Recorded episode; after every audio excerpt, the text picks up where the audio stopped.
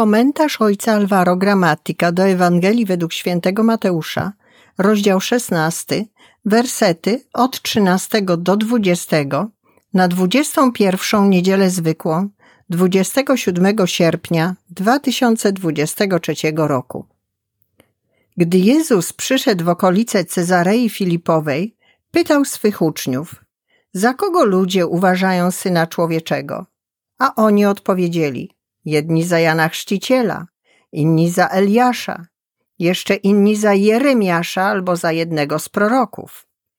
Jezus zapytał ich, a wy za kogo mnie uważacie? Odpowiedział Szymon Piotr, ty jesteś Mesjasz, syn Boga żywego. Na to Jezus mu rzekł, błogosławiony jesteś Szymonie, synu Jony, albowiem nie objawiły ci tego ciało i krew, lecz Ojciec mój, który jest w niebie. Otóż ja tobie powiadam, ty jesteś Piotr, czyli opoka, i na tej opoce zbuduję kościół mój, a bramy piekielnego nie przemogą. I tobie dam klucze Królestwa Niebieskiego. Cokolwiek zwiążesz na ziemi, będzie związane w niebie, a co rozwiążesz na ziemi, będzie rozwiązane w niebie. Wtedy surowo zabronił uczniom, aby nikomu nie mówili, że on jest Mesjaszem. A wy za kogo mnie uważacie? Jest to wielkie pytanie, które wskazuje na dwa sposoby zbliżania się do Boga, albo poprzez ideę, albo sercem. Zbliżyć się do Boga poprzez ideę to przede wszystkim szukać prawdy, dowiedzieć się czegoś o Nim, ryzykując zatrzymanie się na tym, co zewnętrzne, bez wchodzenia w głęboką relację. To tak jakby chcieć poznać kogoś po adresie jego domu, po jego wyglądzie, portalach społecznościowych, nie wiedząc tak naprawdę, jakie jest jego serce, czy nas lubi, czy nie.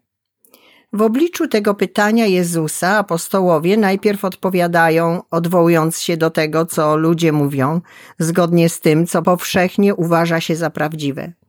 Wszystkie odpowiedzi są poprawne, porównują Jezusa do jednego z proroków, co wskazuje na szacunek i podziw.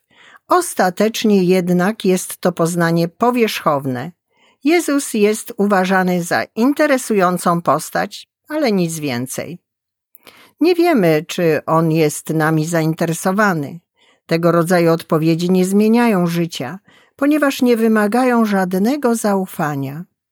Nie angażujemy Jezusa w nasze życie, nie oddajemy Mu wodzy naszych serc, nie prosimy o Jego bliskość. Jest kimś interesującym, jak wielu innych, i nie wiemy, czy nas kocha. Natomiast zbliżanie się do Boga sercem oznacza poznawanie w taki sposób, że czujemy się przez Niego kochani. Tym razem Jezus nie pyta już apostołów, co ludzie mówią, ale co myślą. Piotr zabiera głos i odpowiada na podstawie tego, co otrzymał w swoim sercu bezpośrednio od Boga. Jezus jest Mesjaszem. Tym razem Piotr odpowiada słuchając swojego serca, dając wiarę temu, co czuje w środku, a nie temu, co mówi się na zewnątrz. Bóg mówi do serca człowieka. Oto nauka dla nas. Uprzywilejowanym miejscem, w którym Bóg przemawia i żyje, jest serce człowieka. Piotr spojrzał na Jezusa oczami swojego serca, swojej biedy, aspiracji i pragnień i wyczuł, że Jezus jest Mesjaszem, odpowiedzią jaką Bóg ma dla niego. Słuchając serca, zrodziło się zaufanie do Jezusa jako Mesjasza, tego, który przyszedł, aby zmienić nasze życie. Piotr poczuł się kochany. Boga poznaje się wtedy, kiedy zaczynamy nawiązywać z Nim relacje sercem, to znaczy dzieląc się z Nim tym, co nosimy w swoim wnętrzu, prosząc, aby nam towarzyszył, odczuwając Jego współczucie. Relacja z sercem to umiejętność przekształcania naszych pragnień, naszych cierpień i naszej biedy w modlitwę. Rozmawianie z nim tak, jak rozmawia się z przyjacielem. W ten sposób rodzi się ufność w jego dobroć wobec nas i czujemy się kochani. Pozwólmy, aby nasze potrzeby stały się modlitwą. Potrzeba uczy nas pokładania ufności w Jezusie. Pozwólmy, aby nasze serce pokładało nadzieję w Bogu, rozmawiało z Bogiem tak, jak rozmawia się z przyjacielem. Wtedy poczujemy, że jesteśmy kochani. Piotr zaczął myśleć sercem, zgodnie z potrzebą Boga, jaką miał w sobie. Wtedy rozpoznał w Jezusie Mesjasza jego życie się zmieniło, stał się prawdziwą skałą.